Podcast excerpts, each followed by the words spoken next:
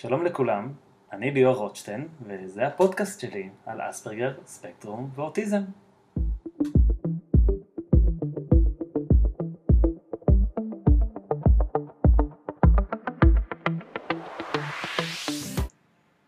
קצת עליי, אני ליאור רוטשטיין, אני בן 34, אה, צלם סטילס מתל אביב, ויש לי תסמונת אספרגר.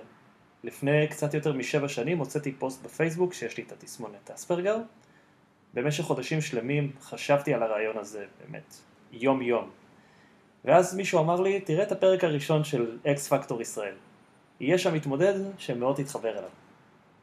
צפיתי בפרק ואכן עלה שם מתמודד שלמרות גילו הצעיר, היו לו תובנות מדהימות.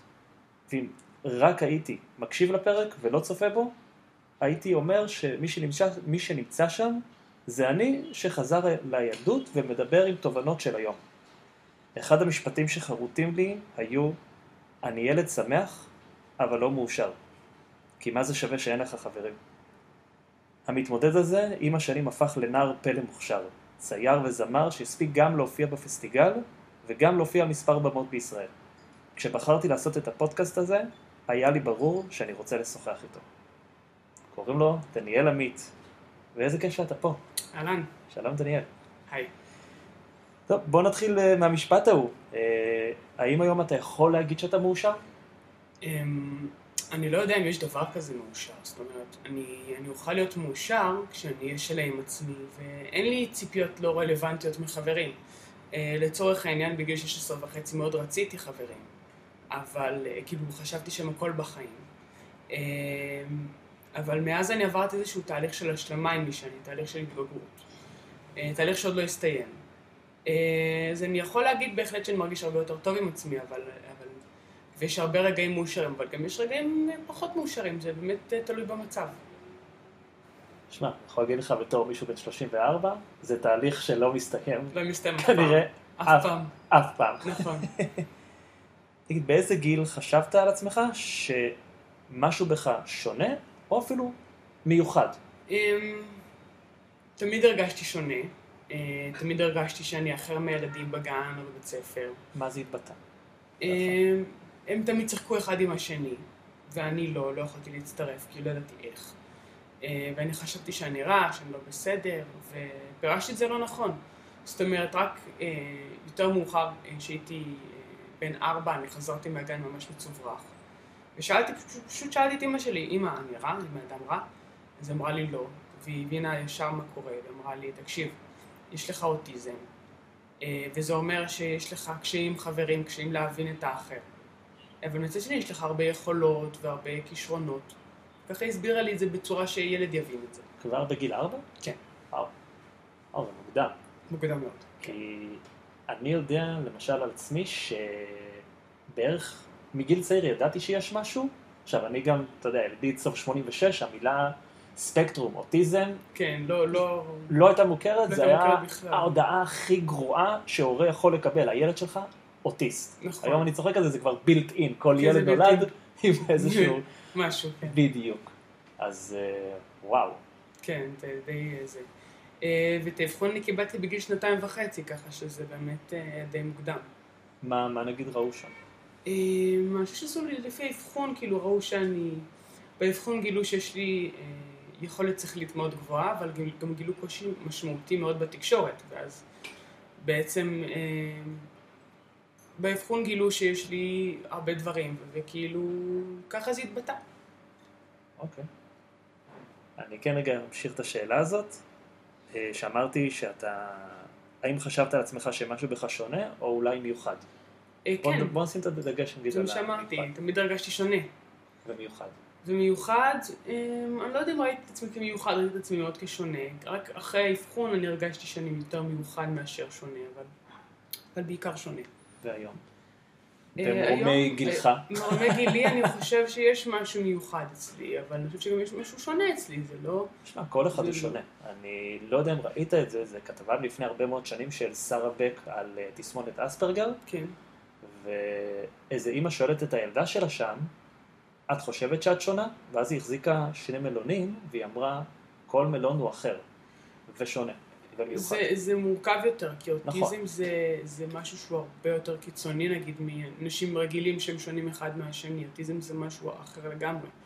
הרבה פעמים אנשים אומרים לי, מה, אתה לא נראה אוטיסט, כל אחד מאיתנו יש לו קשיים חברתיים, כל אחד מאיתנו יש לו דוד בתקשורת, אני אומר, מה פתאום? כמות הפעמים שאני שמעתי את זה, אמרתי שיבוא ואני אעשה הרצאה, ואני אתחיל אותה ב... יש לי תסמונת אספרגר, אתה?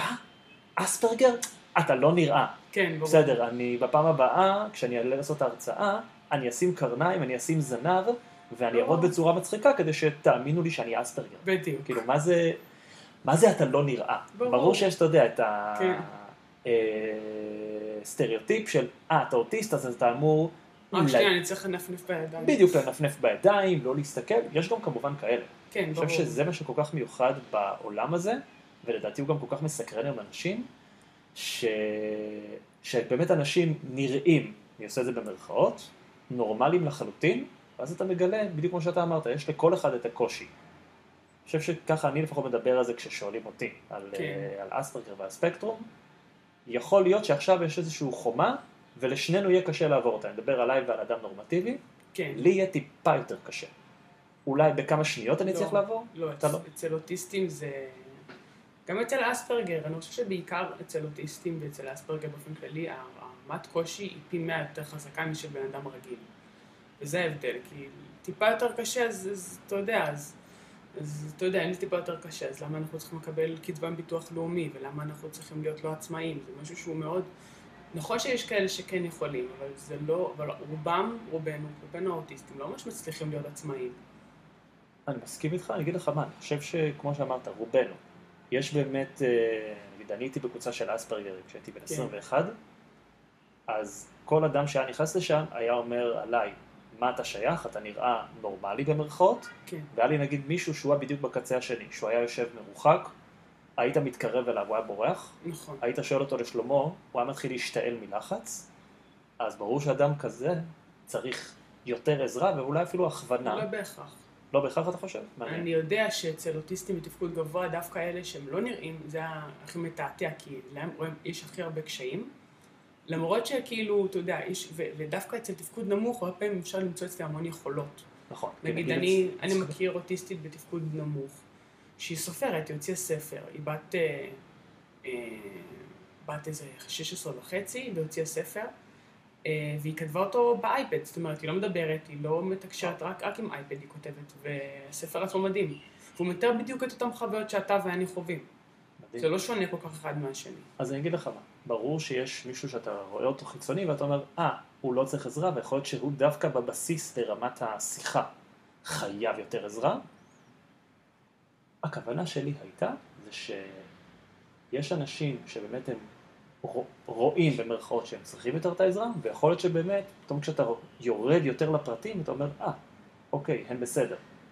העולם הזה הוא באמת כל כך רחב, נכון, זה קשת רחבה. זה כל כך רחב, ו... בגלל זה ספקטרום. בדיוק. ובגלל זה, לאו דווקא אם אתה נראה חיצוני, יכול להיות שפתאום הבן אדם שנראה לך הכי נורמלי מבחינת מראה איך הוא יושב וכו' וכו', ואז כשאתה יושב איתו בשיח אחד על אחד, אתה רואה פתאום שהוא הכי זקוק בדיוק, לעזרה. כן. שהוא... כן. טוב, אז אני רוצה כמובן לחזור איתך לפרק ההוא של אקס פקטור, כן. אה, הפרק. הפרק. כן. כן. האם היה פחד להיחשף ככה? כי, אגיד לך מה, אנחנו חוזרים, מה זה, שבע וחצי שנים אחורה? שמונה. שמונה שנים כבר, וואו. כן. הדבר הזה, אוטיזם, ספקטרום, לא היה לו את החשיפה של היום. היום, אתה יודע, כל סרט שני וכל סדרה שנייה, בין אם היא מדברת על ספקטרום או יש דמות, אני מדבר על, ה... על טלוויזיה ישראלית. כן. קודם כל, אני חייב להגיד שהיה גם את פלפלים צהובים אז בתקופה. נכון, זה התחיל בדיוק. אה, אה, אבל כבר אני בגיל צעיר, אני הבנתי שכדי שאוכל לקבל את העזרה שאני צריך, אני בעצם צריך לספר לאנשים שאני אוטיסט. כי אף אחד לא יכול לנחש, כאילו, שיש לי אוטיזם, כאילו.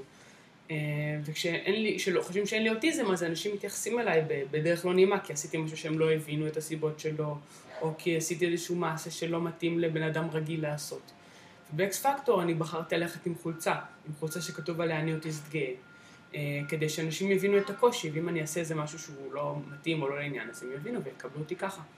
זו הייתה חולצה מבריקה. כן. אני... אתה יודע מאיפה הסיפור שלה? בעצם בגיל 15 אני הלכתי פעם ראשונה ללמוד בבית ספר לחינוך מיוחד. וכל הילדים שם היו על הספקטרום, או, או חלק הם היו בעיות רגשיות כאלה או אחרות, וכמעט כל הילדים בכיתה שהייתי בה קיללו אחד את השני במילה אוטיסט. והם כולם אוטיסטים. אז, וזה לא היה בצחוק, הם באמת חשבו, כאילו, אוטיסט זה דבר לא בסדר. ככה הם חשבו. ואני אמרתי למורה, תעשי להם הרצאה על אוטיזם, תסבירי להם מה זה אוטיזם, תסבירי להם שזה לא רק דברים רעים, תסבירי להם שזה גם, שזה לא קללה. אז היא אמרה, לא, אתה צריך לדעת ללמוד להתמודד. אז אה, כדי להתמודד, אמרתי, בסדר, אני אלך עם החולצה, כל יום אני אוטיסט גאה. כל יום לבית ספר הלכתי ככה איזה שעה, איזה יום שלם. והמורים התעצבנו עליי, הילדים עשו עליי חרם בהתחלה, המורים אפילו אמרו לאימא שלי, למה את מעודדת הולכת עם חולצה כזאת, זה לא בסדר. אה, ובסוף באמת, אחרי כמה זמן, באמת לאט לאט הפסיקו לקלל, וככה בעצם הסיפור של החולצה נולד. כן. מדהים.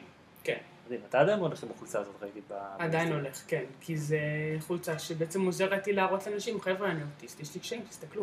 אין לי קרניים על הראש, אין לי זנב, אבל יש לי חולצה שמסבירה את זה. באמת, אין לך? מפתיע, חשבתי שכל האוטיסטים יש להם אה, קרניים אני. צריך לבדוק, השארתי אותם איפשהו באוטו, מאחורה, בבגאז'. אולי זה החיסון לקורונה שאמרו שיצמיח זנב.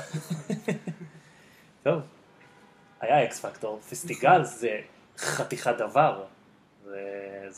תשמע, יש הרבה זמרים וכוכבי ילדים שחולמים להגיע לזה. כן. הגעת לזה. אה, כן, האמת שאני הגעתי לזה בשביל איזושהי מטרה. אה, קודם כל, להעלות את המודעות לאוטיזם, אה, שגם אנחנו האוטיסטים יכולים בסופו של דבר. וגם אנחנו שווים ושיקבלו אותנו, והמטרה בסופו של דבר היא הושגה. אה, הרבה מאוד אנשים סיפרו לי שהם מתגאים באוטיזם שלהם, ו... או כאלה שהם לא אוטיסטים, שאמרו לי שהם בזכותי הבינו מה זה אוטיזם בכלל. עכשיו, אה, החוויה בפסטיגל הייתה מאוד כיפית. זאת אומרת, היה כיף להופיע מול, כל פעם, בתל אביב לפחות, זה היה איזה 9,000 איש בהופעה אחת. וואו. כן. אמ, איך מתמודדים עם זה? כי אני... אני רגיל להופיע מגיל קטן, אז בשבילי... תשמע, אני בעברי למדתי תיאטרון, כן. וחשבתי שאני אהיה שחקן, ואז התחיל לי כזה קצת פחד קהל. וואי וואי. פעם אחרונה שהעברתי הרצאה, זה היה על אספרגר, זה היה בראשון לינואר 2020, כן. עמדתי מול, לא יודע, זה היה 50, 60 אנשים, ואני רעדתי, אני רק חושב על 9,000 איש. 9,000 איש. אז דווקא 9,000 איש זה יותר קל, כי אתה פחות רואה- את הקהל, אתה לא רואה אותם, כי כל כך שזה כל כך הרבה אנשים, אתה לא רואה כל אחד בנפרד. דווקא כשזה יותר אינטימי זה יותר קשה. אמ, אבל בסך הכל כשאני עליתי מול ה-9,000 איש הרגשתי בבית, וגם זה נתן לי איזשהו כוח והעצים את החוויה שאני יכול לשנות. עכשיו, במישור החברתי בפסטיגל, דווקא שם היה לי יותר קשה, למה? גם בגלל האוטיזם, גם בגלל שלא ידעתי איך לתקשר עם שאר הכעס, שמדברים בכל מיני שיחות חולים ואני לא יכול להצטרף. אמ, לכן בעצם ההפקה סידרה לי חדר VIP, חדר מיוחד, אה, שלא אצטרך להיות איתם 24/7. אה, אבל כאילו למרות כל זה היה לי קשרים טובים עם חלק מהשחקנים, עדיין אני שומר על קשר עם חלק מאוד קטן מהם. כן. טוב, שמע, אני ראיתי את הציורים שלך, הם באמת מדהימים. אתה זוכר את הפעם הראשונה שציירת? את הרגע הזה שאתה עושה אה, ציור ואומר, אני אוהב את זה? תמיד אהבתי לצייר. אה, זאת אומרת, אה, כבר בגיל 6 או 7 אני הייתי מצייר כל מיני קריקטורות ופרצופים של אנשים. עכשיו, אני זוכר שבבית ספר הייתי מצייר את הקריקטורות של ילדים וחלקם הם ממש נעלבים, כי כי הייתי מצייר אותם.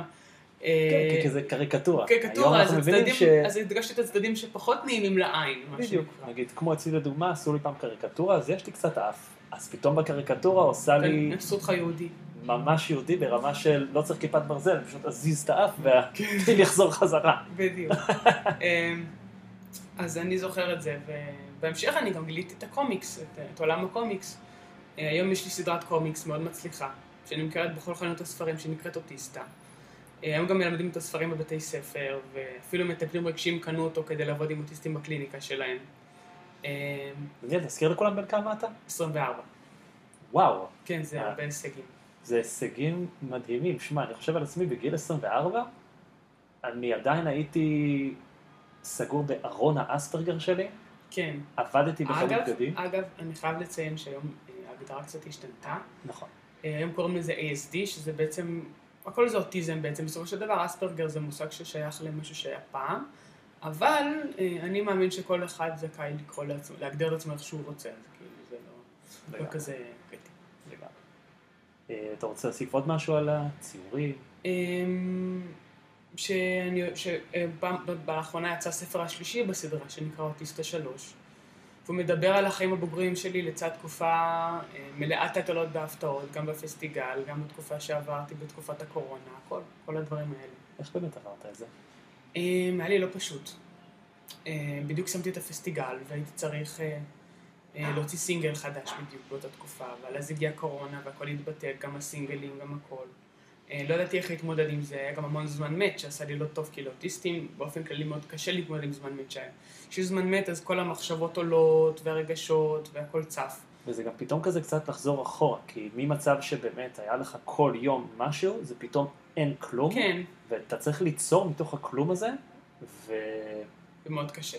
קשה. אני זוכר נגיד את עצמי, וגם אני אגיד עוד משהו, גם היה לי, אה, אה, אמרו לי פעם, אחרי שאני אני אסביר את ההמשך, שהיה לי כל כך קשה, שנכנסתי לכזה דיכאון עמוק, שאני התאשפזתי בסוף בבית חולים פסיכיאטרי, במקום, אה, אה, בתל השומר זה היה, אני חושב, אבל אה, היה גם המון רגעים מקסימים שם, זאת אומרת, אני זוכר ש... שכמעט חצי מהרגעים שם אני כתבתי בקומיקס, עשיתי מהם קומיקס, ממש משעשע. בוא נגיד שפגשתי שם את אלוהים, לא באמת, מישהו שחושב שהוא אלוהים, אבל עדיין זה, זה די קרוב. ובדיעבד אני חושב שמישהי טובה, מישהי שאני מכיר אמרה לי שזה מאוד קשה להגיע מתקופה של היי בפסטיגל למצב של מגפה עולמית, זה מאוד מאוד קשה, זה לא פשוט בכלל. ולכן אין פלא שהגעתי למקום שהגעתי אליו. היה לך פוסט אה, באינסטגרם שמתח ביקורת על חג האוטיסטים, שאמרת שם, עדיף לקרוא לזה אה, היום לציון ולא החג. נכון, קודם כל אני מאוד מסכים איתך, כן, אני לא חושב שצריך לציין את זה כחג, כי יש בזה משהו מאוד מאוד מעליב. נכון. אין, אין לי שום בעיה שיקראו לזה, ליום הזה יום האוטיסטים, אפילו יום הגאווה האוטיסטית. אגב, בחו"ל קוראים לזה יום הגאווה האוטיסטית. אף אחד לא קורא לזה חג בחו"ל. רק בישראל בעצם קוראים לזה? רק בארץ. בארץ אוהבים לעשות דברים, לקחת... להפוך את זה לחגיגה, כן. עכשיו זה, אני, אני חושבת שצריך לקרוא לזה יום הגאווה האוטיסטית, בגלל שבאמת אוטיסטים צריכים יום כזה בשביל לקבל כוחות ולתת כוחות לאחרים. יום, יום של שוויון, בסדר? אבל, אבל, ויש אבל גדול. אה, כשיש אנשים שכואבים את האוטיזם וקשה להם איתו, כשיש אוטיסטים שלא מצליחים לתקשר עם אחרים או בדיכאונות, או אפילו חלקם רוצים להתאבד, שזה משהו שהוא באמת קשה מאוד לראות, אז זה לא חג בשבילם, ואני לא בעד לתקוע להם סכין בפצע ולסובב אותו שיכאב. עכשיו, אני בעד שיהיה יום מודעות, או יום גאווה, whatever, זה כאילו לא באמת כזה משנה. אבל אני לא חוגג את האוטיזם שלי, לא באופן אישי וגם לא באופן ציבורי, כי גם לי זה כואב. אין מה לעשות. קודם כל, שמע, אני מרותק מה... מהתשובה הזאת. באמת, כן. זה, זה שוב, שמונה שנים אחרי, אתה פשוט מדבר את המילים שלי. זה, זה מדהים. אמ, אז אני רוצה עכשיו לשאול אותך שאלה שחברה טובה שאלה אותי. אמ, היא פחות או יותר ידעה מה תהיה התשובה שלי, כן, ואני מאוד מאוד סקרן לשמוע את התשובה שלך. אוקיי. שאלה אותי, אם היית יכול לוותר על האספרגר שלך, כל הקשיים שיש. אתה יכול לוותר וזה נעלם. אבל לצד זה אתה גם תאבד חלק מהכישורים שלך. היית מוותר? אמרתי לה מיד, לא. לא הייתי מוותר על זה. אה, עכשיו אני רוצה. לשמוע- את התשובה שלך, ואז אולי אני ארחיב אז יותר. אה, נהנה לך. קודם כל קשה להיות אוטיסט, החיים שלי לא פשוטים בכלל בגלל זה. יש המון רגעים שאני סובל, אבל אף פעם לא הרגשתי שאני רוצה להעלים את האוטיזם, כי לא הייתי רוצה שזה ייעלם למרות ההתמודדות הקשה. וכן, נכון, הייתי רוצה המון דברים ש... ש, ש, ש לא, שבשביל זה צריך לוותר על האוטיזם, הייתי רוצה חברים. אבל אם הייתי צריך לוותר על עצמי בשביל זה, אני מעדיף לוותר על החברים בשמחה. אני גם אגיד לך מה, אני חושב שזה באמת חלק מהמתנה שקיבלת כחלק מהאוטיזם, זה הכישרון השירה המאוד מאוד גבוה שלך, וכישרון זה הציור, בזכות ה... ה... ה... דרך ההתבוננות שלך. לא, זה בגלל אה, הקושי בוויסות החושי. זאת אומרת, אה, נגיד אה, חוש השמיעה שלי מאוד מפותח בגלל האוטיזם, וחוש הראייה שלי מאוד מפותח בגלל האוטיזם, ולכן אני גם מצליח להבחין לפרטים כל כך. לכן אני גם יכול לזהות נגיד את האף היהודי ואת, ה... ואת כל הדברים האחרים. אז כן, זה חלק מה... מה... מהכישורים שיש לי. ככה בעצם הצלחתי ללמוד לצייר, וככה הצלחתי ללמוד לנגן בשביל שמיעה אבסולוטית. זה גם חלק מהדברים האלה. מסכים איתך, כי נגיד אני מסתכל על עצמי, אני חושב שחלק מזה שאני צלם חתונות, זה נכון, זה הכי כזה אנטיתזה של כן, מישהו שהוא אספרגר הולך לצלם בעצם את האירוע הכי חברתי והמוני. כן. אני חושב שדווקא משם אני מביא את הזווית שלי. אתה מצלם את החתונות עצמם או את הכלה והחתן? אני מצלם את כל היום הזה, אני מצלם אה. את הכלה בהכנות שלה, כן. ואז כמובן עד שלב האירוע, בשלב האירוע מצטרף אליי צלם סטילס נוסף. אה, אה, ההתחלה באמת הייתה מאוד מאתגרת, כי אתה יודע, באמת לך תבין סיטואציות. היום כבר כן. את רוב הסיטואציות אני לא מבין, תצלם את ה- אתה לא תצלם את הכלה מקיאה בזה. אם מבקשים. אם מבקשים, אני כן. הייתה לי חתונה שסיימתי את האלבום, הכלה הקיאה באיזשהו שלב הלכה לישון, כן, אז האלבום מסתיים שתמונה אחת רואים את החתן עם כל החברים מחובקים בסיום, כן. תמונה ליד רואים את הכלה על הספה ישנה. אבל לא. זה לא כבר מקיאה, טוב. לא, לא, זה לא. כבר טוב. לי יש גבולות, אני כן. לא מצלם זוגות מקיאים פיזית, או עושים כל מיני סמים וזה אחד לשני. כן, ברור. עזבו אותו. אה, מה החלום הכי גדול שלך? בחיים האישיים והמקצועיים. אה, החלום הכי גדול שלי זה פשוט להיות שלם עם עצמי. וכמו שאמרתי באיזה רעיון? מה? שתהיה שלם עם עצמך. להיות שמח בחלקי, שארגיש טוב עם מי שאני. וזה החלום הכי גדול, אני לא, אני לא מצפה אה, פתאום להיות עשיר או מיליון דולר ו- ולהיות נשיא ארצות הברית, זה לא מעניין אותי הדברים האלה. באמת, רק להיות שמח עם מי שאני, כי ככה, אני יכול להיות מאושר. עכשיו, בתחום המקצועי, אה, שאצליח להוציא את האלבום, אה, ושיכירו את המוזיקה והספרים שלי בכל הארץ. אה, אגב, אני מחפש מתרגם לספרים שלי, לספרי אוטיסטה, מתרגם לאנגלית. אה, כי אני רוצה להעביר את זה גם קצת לעולם, לראות מה, מה התגובה בעולם על הספרים. יש עכשיו איזשהו פרויקט אה, מימון ל... כן, עם, אה, אה, זה קמפיין שרץ כבר חצי שנה, ותמכו בו קרוב ל-1,500 אנשים. ומאוד הופתעתי בעצם מה, מהתמיכה ומכל האנשים, אבל כדי להגיע ליד אני זקוק לעוד איזה 70 אלף, ואני אשמח אם ימשיכו לתמוך בו. הקמפיין זה כדי שאוכל להוציא אלבום בכורה של שירים שכתבתי, למשל יש שיר שנקרא ועכשיו להקשיב, שהוא מדבר בעצם על, על ניסיון שלי לנרמל את עצמי, זאת אומרת, זה בגלל התקפי חרדה שקרו לי, בגלל שאנשים ציפו ממני להיות רגיל, שאנשים שמדברים איתי, ככה זה בתקשורת, הם שוכחים שאני אוטיסט, שיש לי קושי בתקשורת, שקשה לי להקשיב להם, שאני לא מצליח לרוב להקשיב עד הסוף כשמדברים איתי והולך לעולמות אחרים. אה, ואז בעצם הייתי צריך אה, לנרמל את עצמי, בעצם ניסיתי להשתנות וניסיתי להקשיב להם בכוח. ואז יצר המון התקפי חרדה שגרמו לי לא לתפקד. טוב, אני בטוח רוצה לשמוע את השיר הזה. נשמע אותו? קדימה.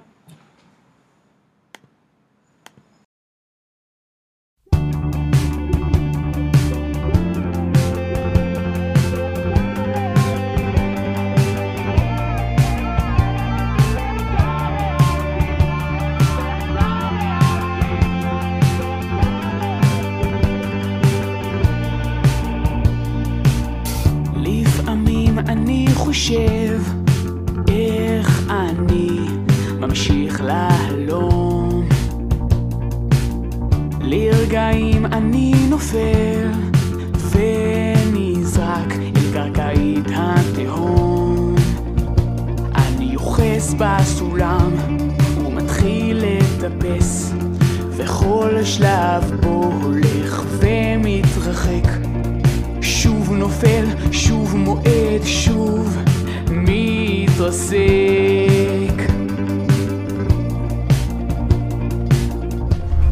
מוכר את נשמתי בתוך שמחה רגעית. החזה שוב מתקתק כפצצה מתחתית. ועכשיו להקשיב, ועכשיו להקשיב,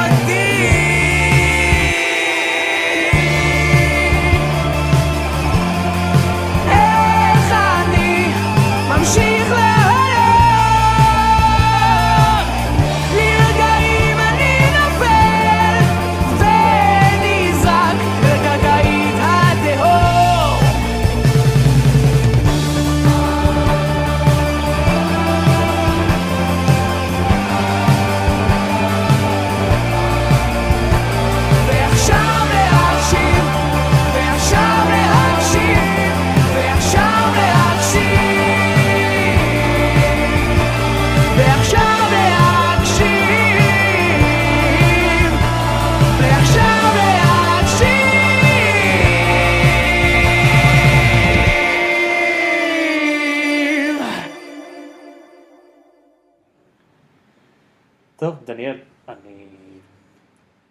אני באמת שמח שהסכמת להיות חלק בפודקאסט הזה, וחייב להגיד לך באמת משהו מאוד מאוד אישי. עד באמת הפרק שלך באקס פקטור, עברה מחשבה, כמו שאמרתי בתחילת השיחה הזו. כל הזמן היה כן, לא, כן, לא, ופתאום כשראיתי אותך, זה שהתחלתי לבכות. כולם בחור, כן. ואמרתי, אם הוא יכול, בכזה אומץ, גם אני יכול. ונפגשנו לפני, במקרה, לפני כמה שנים באיזו הפגנה, אני זוכר, כן. ואמרתי לך, דיברנו, ואמרתי, אני חייב לשלוח לך את הפוסט הזה, כי באמת, הדבר הכל כך אמיץ הזה שעשית, נתן לי את הכוח להגיד, יאללה, אני עושה את זה. התלוות כמובן, הרבה מאוד דברים, ברור. אתה יודע, בכל זאת החשש לבוא ואשכרה לפרסם את זה. כמה זמן לקח, כאילו כמה זמן מהרגע האבחון עד שפרסמת את זה, זה לקח? אני אובחנתי בגיל אה, מאוד, קצת יותר מבוגר ממך, בגיל 15, סופית כן. ורשמית. אבל סיפרת על זה רק אחרי... הרבה מאוד שנים, הרבה מאוד כי שנים, מאוד פחדתי מהתגובה של, ה... האנשים, כן. של האנשים, של אה, אז אתה זקוק לרחמים, אז אתה זקוק לזה. זו הייתה תקופה אחרת. נכון, אני תקופה ש-. זו תקופה שהיא סופר אחרת מהתקופה של היום. כן. אה, אני יכול להגיד לך ככה, באמת ברגע שפרסמתי את זה, אני מספר לאנשים שיש לי כמה ימי הולדת בשנה. כן. ה-17 וה-12, שזה באמת התאריך שבו נולדתי, והרביעי לפברואר, שזה התאריך שבו הוצאתי את הפוסט שלי, כן. שיש לי אספרגר. אוטיסט הולדת. בדיוק, אה, אהבתי את זה. כן. להשתמש בזה לשנה כן. הבאה. ו- רק אל תגיד לאנשים שאספרגר היה נאצי. אוי, לא. שיט, אנחנו מוקלטים, כן. תשמעו את זה. כן. בסדר, נו, גם, אה, גם ולנטיין היה נאצי נכון, וגם... לא, אה, אתה אנטישמי. אהה, זה אותו דבר רק בשינוי אדרת. כן. כן. זה שנא יהודים, זה רצח יהודים. ובנימה נעימה זאת, אז ט"ו באב שמח לכולם. לגמרי. כן. אז אה. באמת, שוב, תודה לך, גם שהסכמת להיות חלק מהשיחה, וגם באמת על השירות המדהים הזה. בשמחה.